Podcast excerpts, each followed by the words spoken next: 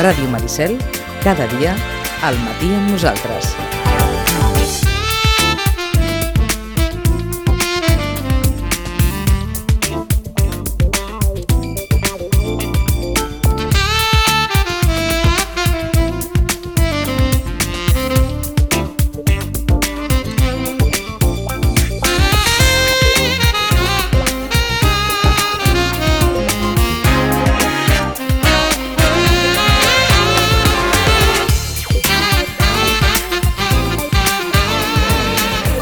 Deu i 25 minuts del matí. No, no, sí. Mira, ara, ara em vindrà de gust eh, eh, que digui la frase final, Luis Miguel García, que als maquinistes dels dos trens se'ls ha de fer un homenatge. Luis Miguel García, bon dia. Hola, bon dia. Ve com a, evidentment, portaveu del PSC, eh? però és clar, ha estat inevitable. Eh? Jo li preguntava una qüestió molt, molt d'ignorant. Eh? Si hi ha un moment, com pot passar amb un cotxe, en què una màquina de tren no, no es pot frenar, i, i, i ell em diu que sí, que hi ha un moment en què si tu perds la pressió Sí. dels frens no hi ha forma de frenar-ho, això. No, no, si una vegada que perds tota la, tota la pressió d'aire comprimit als, als depòsits, no, no. Ja, ja està. N'hi ha un, un fre d'estacionament, eh, però és, és molt difícil que s'aturi un tren. dic perquè a vegades des de fora ens dona aquella sensació de que sempre és possible fer alguna cosa i a vegades no és possible fer allò que un En aquest voldria. cas eh? era, era, va ser molt complicat, sí que és cert que els dos maquinistes, el maquinista de, de FGC com el maquinista de Renfe, eh, es van portar, o sigui, se'ls ha de, de, de, de pujar una plaça. Eh? El primer maquinista de, de la locomotora, quan va, va detectar que s'havia quedat sense frens, hi havia un semàfor en vermell, el primer que va, ser, va, va fer va ser avisar al, al joc de comandament, escolta, tinc un problema, passa això. Eh, S'ha dit que el, el joc de comandament no va poder eh, parlar amb el maquinista de regional i no és que no pogués parlar, és que el maquinista de regional, quan va veure que el, el semàfor que tenia endavant estava vermell, eh, estava verd, perdó, i va passar, eh, nosaltres diem un, cierre intempestivo de la senyal, va passar de, de verd a vermell i ell va veure un, una llum, el que va fer va fer, tirar del fre del, del tren, Sí, va sí. sortir de la cabina i va avisar als viatgers Sí, que ja. estaven al primer cotxe Que per a que, marxessin. anessin cap endarrere. Per això el, el, el joc de comandament no va poder parlar amb el maquinista, perquè el maquinista estava traient els viatgers. Quines històries, eh? Això és com, la pel·li, com les pel·lícules, Sí, eh? sí, literalment, sí. en alguns Bueno. moments. Ara anem a fer allò de la reflexió ètico-moral. En política no hi ha mai aquesta sensació de responsabilitat directa, com pot passar en una circumstància així. Eh? Bueno, són circumstàncies diferents. Que tu dius, en però- política et pots equivocar, que hi ha una responsabilitat i que hi ha unes conseqüències, sí, però no les veuràs d'una manera tan immediata. No, pots, eh, pots equivocar, però bueno, sí que té responsabilitats i has d'assumir, si quan t'equivoques has d'assumir, has d'aixecar la mà i dir, escolta, m'he equivocat, em podia fer millor i bueno, intentaré fer-ho millor la, la propera vegada. Vinga, comencem per, per el que llegíem a l'ECO aquest, eh, aquest dissabte. Hi haurà finalment primàries al, No. al PSC? No. No. No. Eh, Com, què ha anat passant aquests darrers no, mesos, setmanes? parlant, hem estat parlant amb, amb els meus companys i companyes del, del partit i a la meva companya, el- l'Elisabet Pérez, Ahà. i, i estem treballant un acord de, per- de cara al 23, no tenim, no tenim pressa nosaltres, eh, nosaltres ara estem per governar, i no, no, no n'hi ha primàries a, a Camp PSC, no n'hi ha. Mm, Segurament és que algú li hauria cridat l'atenció unes primàries, en el fons, entre, entre el primer de la llista i la segona de la llista, és, és veient que, que la, no, bé, no, cal, no cal ser doctor honoris causa, veient que la relació en els plens en d'allò era, era una relació tan cordial, fins i tot semblava estrany plantejar, semblava estrany que es plantegessin unes primàries. No? No, no, eh, però és que mai hem plantejat nosaltres unes primàries. O sigui, va sortir la notícia en un moment determinat, però és que jo cada vegada que m'han preguntat dic, no, no anirem a primàries. Precisament per això, nosaltres tenim una fantàstica relació i estem treballant colze amb colze tota la, tota la setmana. El que sí que és cert, bueno, que tothom pot tenir aspiracions, eh, qualsevol, qualsevol membre del, del Partit Socialista de, de Catalunya que assisteix pot tenir aspiracions i això també s'enriqueix a nosaltres. Eh, tenim, tenim persones que estan disposades a donar aquest pas endavant per poder liderar un projecte a la vila. Um, com que sou més llarg que un dia sense pa, Si Veget es presentés, què passaria? No, Veget no es presentarà de cap de les maneres. Sí, però ja m'heu entès. Sí, no, no passarà. No passarà. És que no passarà. No passarà. No passarà. No passarà. Bé, és un segon titular, eh? Perquè heu sentit molt aquest rum-rum o què?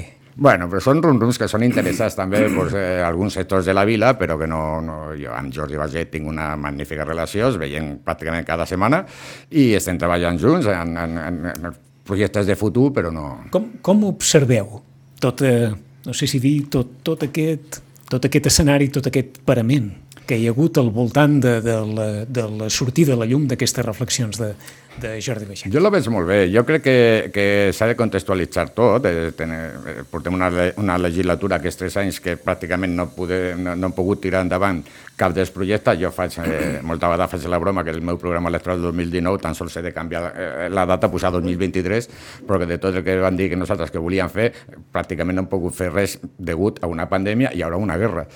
Aleshores, eh, que n'hi hagi persones com Jordi Baget i tant altres que n'hi ha Sitges que estiguin interessants en presentar projectes de, de, de futur de cap, a la, de, de, cap a la vila, em sembla meravellós. O sigui, és una oportunitat que, que hem d'aprofitar. Nosaltres, el, el que jo estic demanant, i sobretot estic demanant a l'equip, eh, treballem el dia a dia, però pensem en els Sitges del 2030, el 2035, 2040.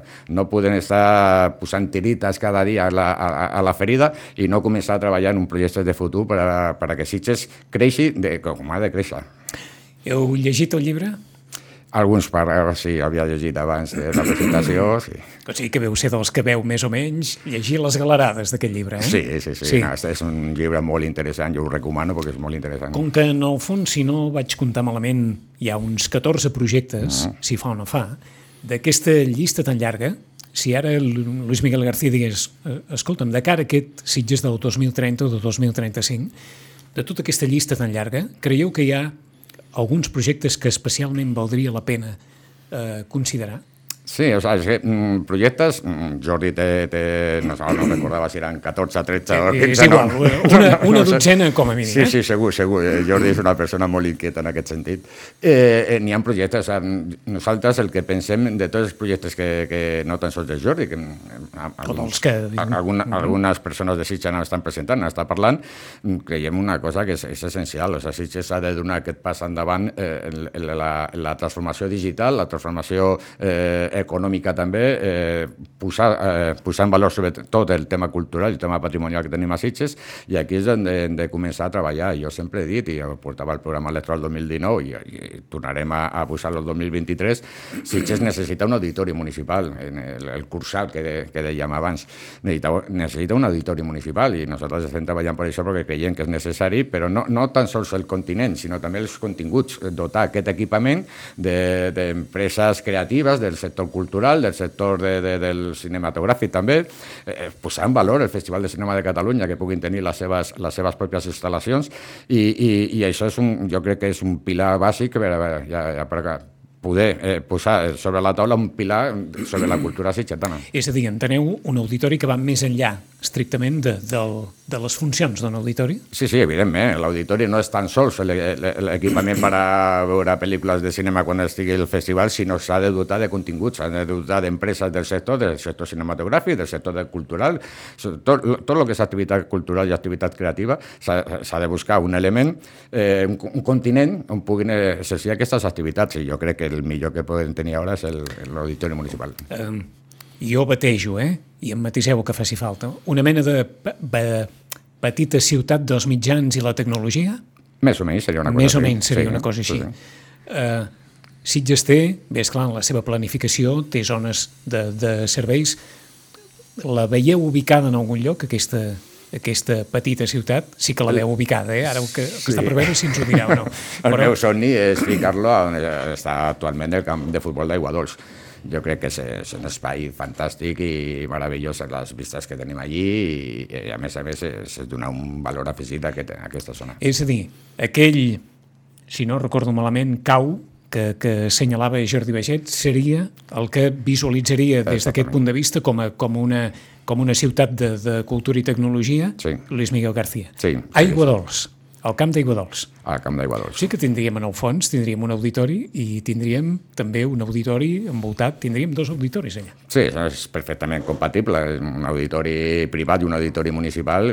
No tan sols eh, els continguts que hem parlat ja, sinó que també tenir un auditori municipal és, és poder oferir també aquest espai a, la, a les escoles de, de Sitges perquè puguin fer les seves activitats i a un munt d'empreses i, i, i particulars que tenim aquí, autònoms d'aquí de Sitges, estan, eh, es dediquen a l'activitat la, cultural, tindran aquest espai també a la seva disposició. Ja, ja sabeu que si voleu posar-vos d'acord amb l'alcaldessa, sota aquest auditori hi ha d'haver un pàrquing, com a mínim. No, evidentment, això sí, s'ha de dotar d'aquest equipament també per als veïns i veïnes del, de, de, del barri i també per les persones que vinguin a, a gaudir de l'espai.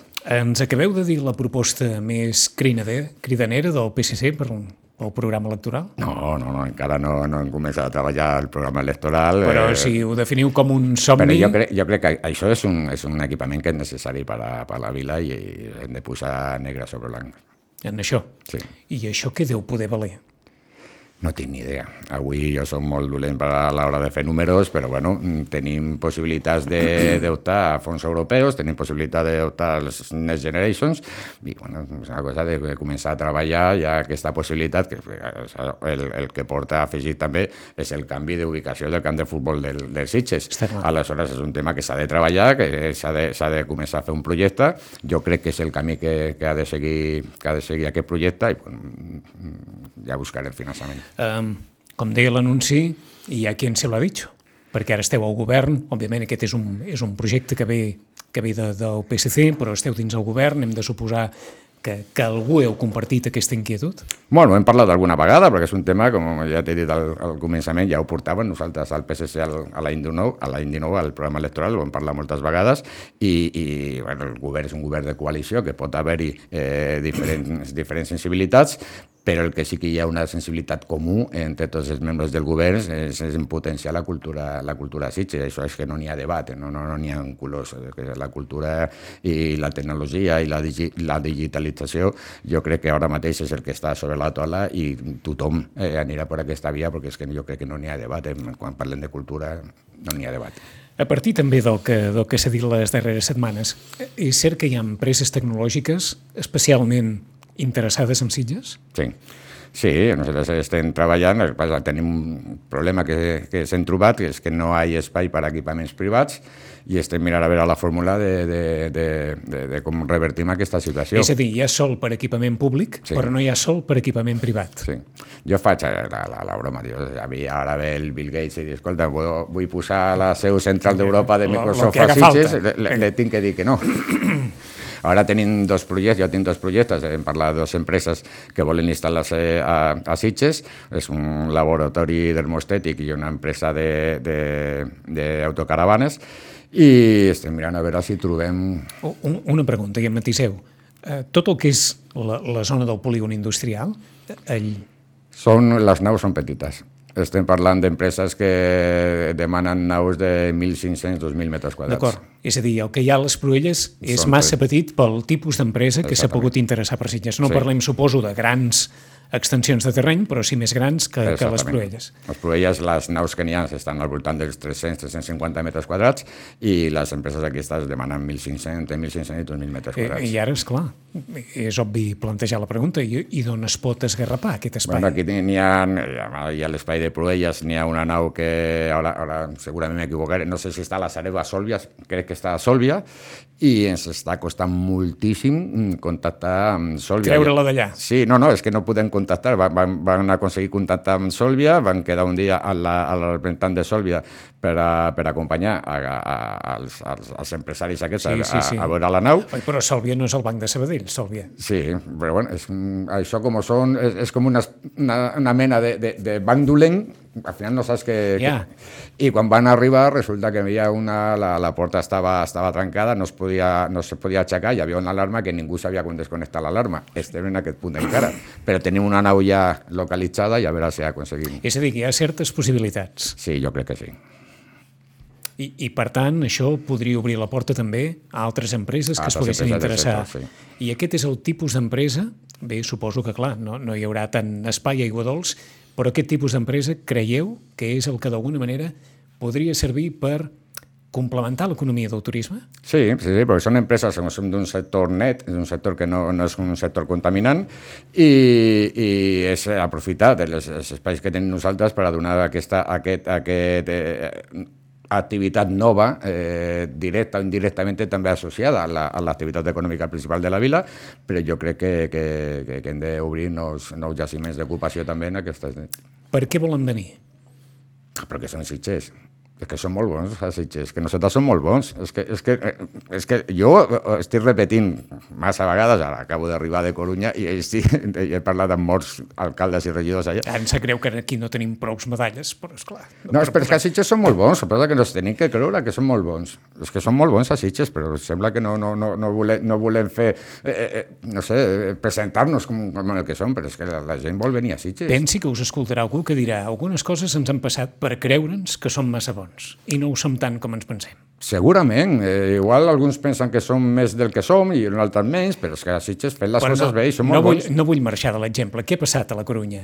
Perquè a la Corunya hi heu anat eh, per, una, per una qüestió vinculada a l'àmbit del turisme sí, també. Sí, l'assemblea del Convention Bureau. I allà, I allà què ha passat? Què us han dit? Sitges, què tal? Què sí, bueno, a Sitges, bé, primer, tothom coneix a Sitges, vam estar, primer de tot, vull agrair al, al, a l'alcaldessa de Corunya, al, al concejal de Corunya, la, la, la, la recepció que van tenir, va ser fantàstic, vam estar molt bé allà a Corunya, i van estar posant exemples de, de, de, de què volen fer eh, de cara al futur. I ara eh, comentava no fa massa amb, a l'alcaldessa quan parlaven eh, un dels, dels debats que havia aquí a Sitges, que era els habitatges il·legals, habitatges d'ús il·legal. Sí. A l'octubre, en l'assemblea la, anual del Convention Bureau que es va fer a Donostia, jo vaig tenir oportunitat de parlar amb el Santos Tejón, que és el concejal de turisme de, de Gijón, i le vaig comentar l'ordenança que, estava, que havien redactat aquí a Sitges i tal, i fa dos mesos han aprovat a Gijón una ordenança que és l'únic que han fet és passar-lo del català al castellà. O sigui, som model.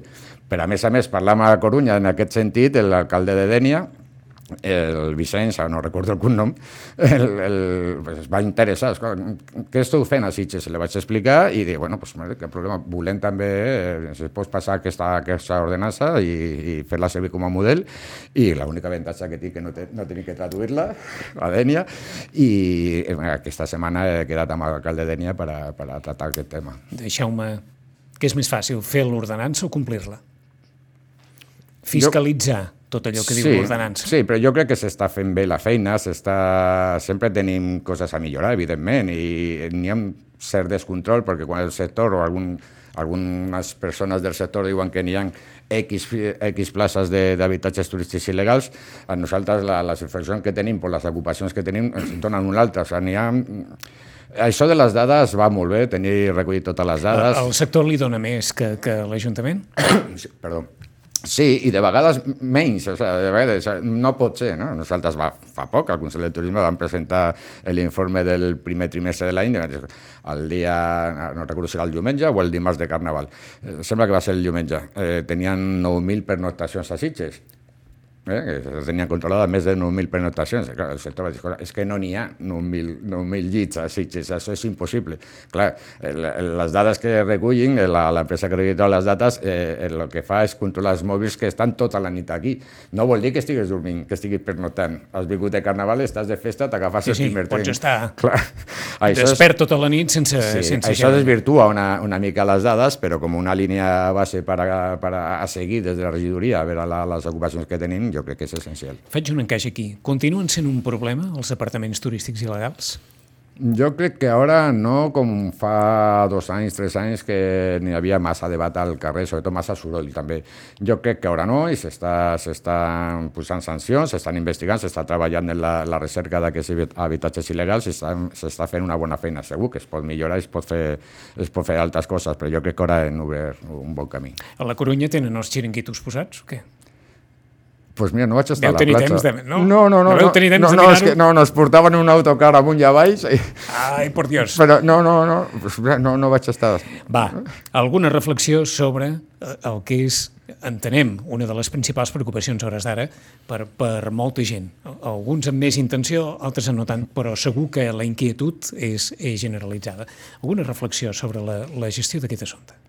Nosaltres, eh, ara parlo com a portavó del Sí, PSC, sí, sí. Des, de, des del PSC, eh, que una vegada que s'acabi tot el procés, perquè ara estem, de, estem treballant per a que tothom tingui, tingui la possibilitat de posar la, el, el, seu, el seu establiment, el el seu negoci a la platja, i tothom pugui gaudir també d'aquests establiments. Nosaltres el que sí que volem, una vegada que acabi això, és eh, estudiar, eh, no, no, no investigar, no? però mira què és que, el que ha passat, eh, si ha fallat l'administració en algun moment, si han fallat els polítics en algun moment, inclús si han fallat els, els propis licitadors en algun moment. S'han trobat alguna licitació eh, que també s'han han endarrerit la, la, la concessió de, de, de platges, perquè hi havia coses que no, no tenien ningú sentit, però tenien que...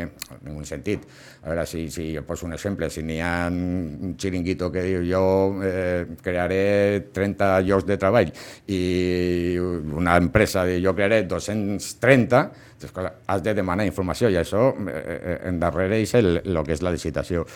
Eh, jo crec que les coses s'han fet bé, s'han fet bé. Una altra cosa és el tema del tempus, i el tempus sí que hem de mirar a veure què, què, què és el que ha fallat aquí. Aquest, aquest és, diguem-ne, l'aspecte que us, Sí, que us sí, sí, neguiteja el més? eh, Sí, nosaltres jo crec que el, el, ho hem parlat moltíssim, jo he parlat amb el regidor escolar, el tema del temps és l'únic que, que, que es neguiteja perquè es, creiem que, que això se tenia que haver, haver fet abans, però l'administració va com va, i, i arriba un moment que nosaltres, els polítics, som els primers que patim aquesta, a, a, aquesta, aquesta administració però jo crec que les coses s'han fet bé, s'estan fent bé, donarem uns serveis de moltíssima qualitat a les, a les costes de Sitges i, i és que es posarem a un nivell dels primers, eh, els primers pobles, viles, ciutats de- d'Europa en serveis. No ens movem massa de les platges. L'any que ve hi ha eleccions, hi haurà campanya electoral, eh, amb la mà al cor, perquè ara esteu dins d'un govern que d'una forma molt oberta i molt categòrica ha dit que res de draga, regeneració natural, etc etc. Si fos per, per Luis Miguel García, pel PSC, aquesta solució intermitja entre el dragatge i la regeneració de les platges seria una bona solució o us mantindríeu amb aquest posicionament actual de la ferma convicció de, de no dragar ni utilitzar el dragatge? Jo, si em permès, eh, Sí. tornant al, a l'inici de la conversació, el meu programa electoral de l'any 2019 havia un punt que, que deia, no, no, no recordo textualment, que no aportaríem cap eh, aportació de sorra eh, a les platges de Sitges. O sea, nosaltres apostem per la, la naturalització de les platges, les platges s'han de regenerar de manera natural, s'ha de buscar la, la forma tècnica, i avui tenim una tecnologia al nostre abast impressionant, Us ho dic per si en aquests tres anys us heu convençut encara més d'aquesta... Però és que tothom s'ha de, de convèncer que estem en una emergència, una emergència climàtica i estem uns, patim uns canvis, mira, les temperatures d'avui, avui estem una temperatura 10 hores per sobre de la temperatura mitjana d'un 14 de juny. I, i tots estem, es- ens hem de convèncer d'aquesta- d'aquesta- aquest risc que tenim com a, com a ciutat i com a, i com a, i com a planeta. I aleshores jo crec que qualsevol aportació, de la mateixa manera que va ser la mà de l'home la que va provocar aquesta situació, el que no podem fer és continuar caient en la, la, en la mateixa errada. Hem de buscar la manera de- regenerar les nostres eh, platges, les nostres costes, de la manera natural, amb tota la tecnologia que tenim al nostre abast. I n'hi ha, n'hi ha, eh, n'hi ha tecnologia i estem estudiant i, i hem demanat algun pressupost, inclús a alguna empresa. I, I si això implica, com alguns professionals diuen, i ho diuen amb tot el coneixement de causa, la deconstrucció d'algunes infraestructures de la costa que s'han fet en els darrers anys Però és un debat. Aquí tenim la línia de la costa, la línia de, de, de la platja. La platja pot créixer eh, cap al mar o cap, o cap a la muntanya. Si creix cap a la muntanya, és que estem parlant de, de, de tirar a baix el passeig de Sitges. Això no ho farem mai. Ningú ho farà, això. Eh, que s'ha de revisar el que, els plantejaments que s'han fet, com s'està revisant en, en, en molts municipis de, de l'Estat, pues segurament, però és que el que està fet mm, hem de, hem de buscar una altra via, no podem desfeure el que ja, el que ja està fet. Portem 30 anys així, eh? Molts, molts anys, 30 anys. El Barça no tenia cap Copa d'Europa no. quan va començar. I Jordi Serra, l'alcalde, que va ser el primer que va rebre un projecte de regeneració del Ministeri. Sí, sí, sí. I fa tres anys van, van elaborar un altre i, i el platja de Sant Sebastià I allà es va quedar. i allí es va quedar. Bueno, mm, jo crec que el món avança molt ràpid, eh, tothom pot tenir idees i escolta, aquest és el camí que hem de, hem de, hem de continuar, però un projecte que pot tenir 6, 7, 8, 10 mesos, un any de tramitació, quan arriba l'hora de la veritat resulta que ja ha canviat la tecnologia, ja ha canviat, ja s'ha trobat un altre model. Bueno, de començar a treballar per a buscar ja un model definitiu per, a, per, per, per consolidar les nostres platges i això estem el govern en ple.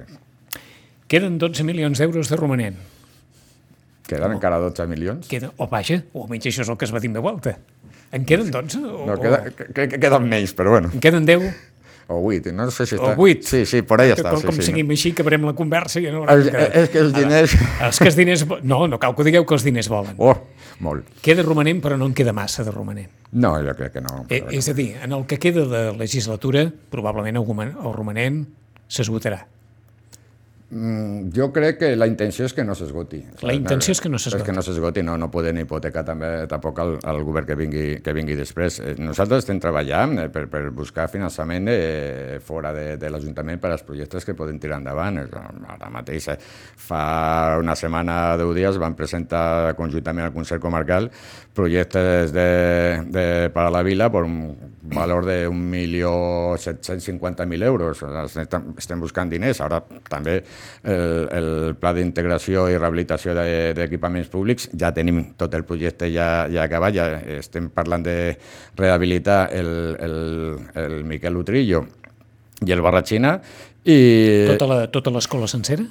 Sí, és una Sí. rehabilitació integral de- del- d'equipaments, posar És a dir, el trillo que s'havia pogut arreglar, la teulada... No, no, és, Tota- és un projecte de Tota l'escola integral sencera. de rehabilitació i, i nosaltres eh, ens comprometem amb, amb el PIREP, que aquest, el Pla d'Integral de Rehabilitació d'Equipamientos Públicos, a aportar, em sembla que són un milió, un milió ses- 600.000 euros i, i demanen submissions a l'Estat per valor de quasi 4 milions d'euros. Clar, l'Utrillo té 50 anys, el Barretxin en té 60 i alguna Sí. cosa així, Sí.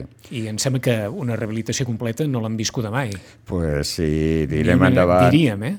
Tirem endavant aquesta subvenció que crec que les tirarem endavant, ja, ja estem en converses amb el, amb el Ministeri i han presentat la documentació i el compromís de, de l'Ajuntament de Sitges, parlaven abans del romanent. Sí, sí, sí. Si nosaltres, És poder aportar... Exactament, si nosaltres aportem és un 33% de la inversió, mm, posaré les dues escoles de Sitges al primer nivell mundial de, de tecnologia. Estaríeu d'acord amb, amb aquella frase de l'alcaldessa que hem anat traient també en aquesta taula i que ella va dir en un ple, que els diners han d'estar al carrer?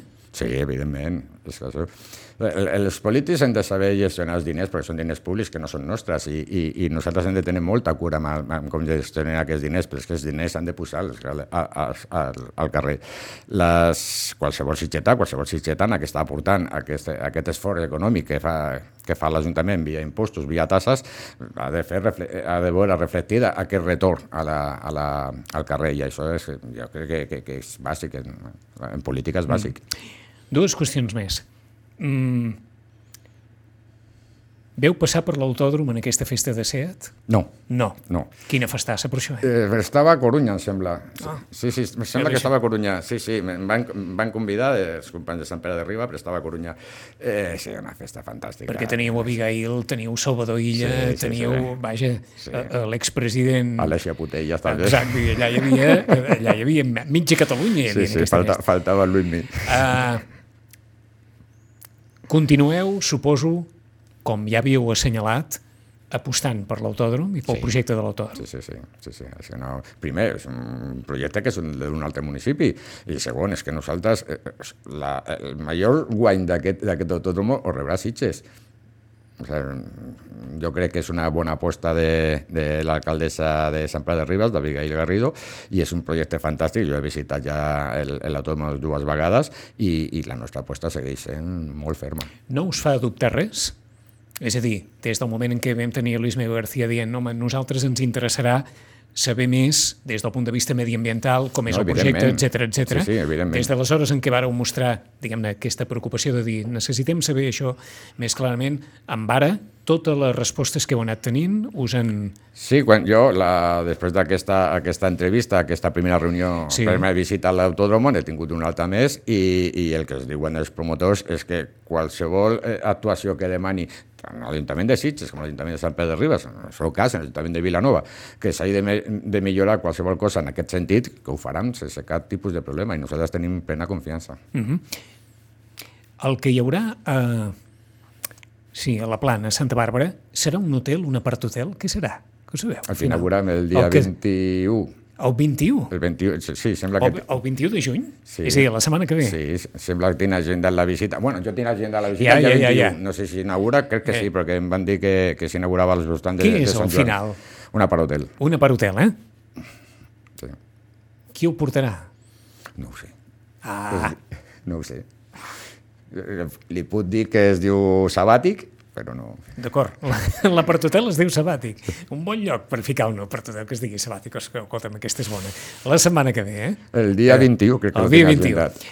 I un altre, que, que segurament, no sé si n'havíem parlat més, però dins de la visita dels responsables de DIF mm. -hmm. aquí a Sitges, bé, quina, quina conseqüència ha anat tenint aquella, aquella visita? Quin, si va haver algun compromís si, sobre el pas sota la via, sobre el projecte que hi ha d'haver als túnels del Garraf, sobre tot això? Aquí sé que tant el, el Jaume Monasterio com l'Eduard Terrado estan, estan, ja tenen tota la informació del projecte. És un projecte que començarà a treballar, eh, començaran les obres, eh, ara recordo, sembla que va ser al gener, febrer del 2025, una vegada que ja estigui tot.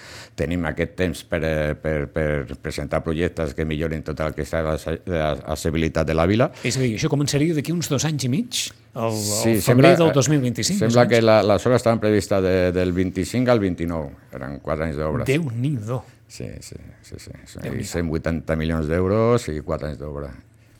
I, I el que és curiós, eh, de treure pit també, que durant 4 anys tan sols n'hi haurà dos caps de setmana que es tallarà la circulació de trens. Això- En 4 anys. Això era impensable ara, fa us 10 hauria- anys. Ara, ara us hauria de dir que no sou de DIF i em direu, no sóc de DIF, no t'ho puc prometre, però prometeu que només dos caps de setmana estarà interrompuda la circulació? Això és el que està al projecte. N'hi haurà, haurà molt de temps, Esclar. que hi haurà via única, Sí. eh, en dos sentits, en bloqueo ba- banalizado, que es diu, però el tall de circulació, el projecte que van presentar, són dos caps de setmana en, Sense tren, només dos caps de setmana amb unes obres de 4 anys. en de... 54 mesos. D'acord. Esclar, vist això, fer el pas sota la via deu ser la Clar, xocolata del és molt lloro. fàcil, sí, sí. És, Què- és aconseguir, aconseguir el compromís i els diners. Ara dius, tens 180 milions d'euros per fer allò i... i... No, no, segur, segur que es podrà fer. El que, el que hem de fer... Jo mm, sóc incapaç de, de, de trobar el, el model que podem fer. No, no, no, no, no arribo a... Què, què fem? Un pas per sota, un pas per dalt, soterrem Ja. l'estació i estic en contra dels soterraments i ho sap tothom. Però, però jo, jo sé que el, el, el, el regidor Terrado i el regidor Monasterio estan treballant en aquesta possibilitat i una vegada que tinguem informació anirem a la porta de DIF i escolta, quan comencin la, les obres d'aquí de Sitges volem això també. És a dir, poder fer en el mateix PAC Sí. les dues coses. Hi ha possibilitats, suposo. Sí, jo crec que sí. sí. Vull dir, no van, fer, això- no van fer mala cara. Ai, No, no, no. I això, a veure, és, un, és una, entre cometes, patata calenta de- pel govern que ve. El govern que vindrà, Sí. que a meitat de la legislatura se trobarà això. Eh, eh, això hi suposo que les, que les pantalles sòniques, També. Que és una altra d'aquelles qüestions que no sé si, si ha merescut més debat perquè hi havia més municipis afectats. Eh, no, de moment està tot, tot aturat, el Ministeri va aturar tot el, tot el projecte que, que hi havia. Eh, jo vaig, home, vaig estar fa poquet, el, abans d'ahir, sembla que va ser, diumenge, vaig estar parlant amb uns veïns de, de Punta Gaviota, de, eh, parlaven de les pantalles sòniques, jo no sé si la pantalla sònica és, és una, una situació ara provisional, però el que sí que m'agradaria a mi, una vegada que, que Adif es torni a, a, a cridar per parlar del projecte, Sí. és cobrir tot l'espai aquest, de, de, que està des de l'últim túnel, eh, cobrir tot l'espai aquest de Punta, Punta Gaviota i Plans d'Aigua Dols per evitar aquest, a, a, aquesta contaminació acústica. Mm -hmm. Quan se sabrà qui és el candidat o- del PSC? Mm, ara, el, si no recordo mal, suposo que al final d'aquesta setmana o al començament de la següent. En una assemblea directament Sí. es parla? Creieu que us agradaria continuar, suposo? Sí, a mi m'agradaria continuar, però això no depèn de mi, depèn dels meus companys i companyes i si, si em donen de nou la, la confiança i la responsabilitat. Com són les coses? Perquè recordeu que no éreu precisament dels més entusiastes eh, en això, de ser cap de llista. Sí, sí és veritat, és veritat. El que que de, aquesta, Estàveu aquest, este más en el, en el vagón de cola que en la màquina. Eh? sí, però aquesta, aquesta legislatura jo crec que hauria de convalidar tothom una legislatura, una legislatura més perquè és que no, no he pogut fer res. En, ho he passat molt, molt, molt malament, molt, tant els partits que estem a govern com estan a l'oposició. Eh? Aquí jo crec que els 21 regidors de l'Ajuntament de Sitges hem viscut una, una legislatura molt complicada, jo no recordo una legislatura tan complicada com aquesta, i es tindria que convalidar i, ostres, tres anys més. Ja, ja tindrem ocasió de, de parlar-ne, però creieu que la ciutadania empatitza amb aquesta sensació jo crec que, que no suficient. No suficient. No suficient, perquè tothom té, té, té els seus problemes i mira els seus problemes de casa seva, no mira els problemes en global com tenim que mirar nosaltres. Nosaltres hem de, de tenir una visió global de tot, no podem posar el foc en un problema concret perquè hem de tenir una, una mirada global. I primer, també és culpa nostra que no sabem explicar-nos o no, no sortim a explicar. Escolta, jo tinc que mirar per, per 31.000 i pico habitants de Sitges que som ara, no, no, no per 10 o per 20 o, o, o per 100.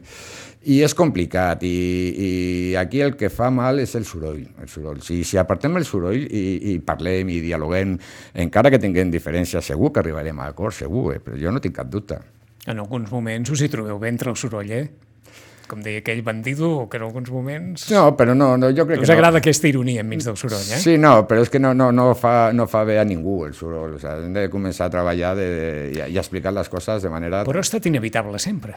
Sí, no, no, i sí, continuarà sent. I continuarà això no, sent sí, sí, no? sí, sí, però bé, a nivell local, a nivell, a nivell nacional i a nivell estatal, això sempre serà així. Les 11, l'Esmeu García, gràcies. Gràcies a vostè. Hem de suposar que aquesta setmana o la setmana que ve ja serà candidat del PSC i, les, i em sembla que ja no quedarà ningú més per... per bé, bueno, és igual, no dic res més perquè no se sap mai això.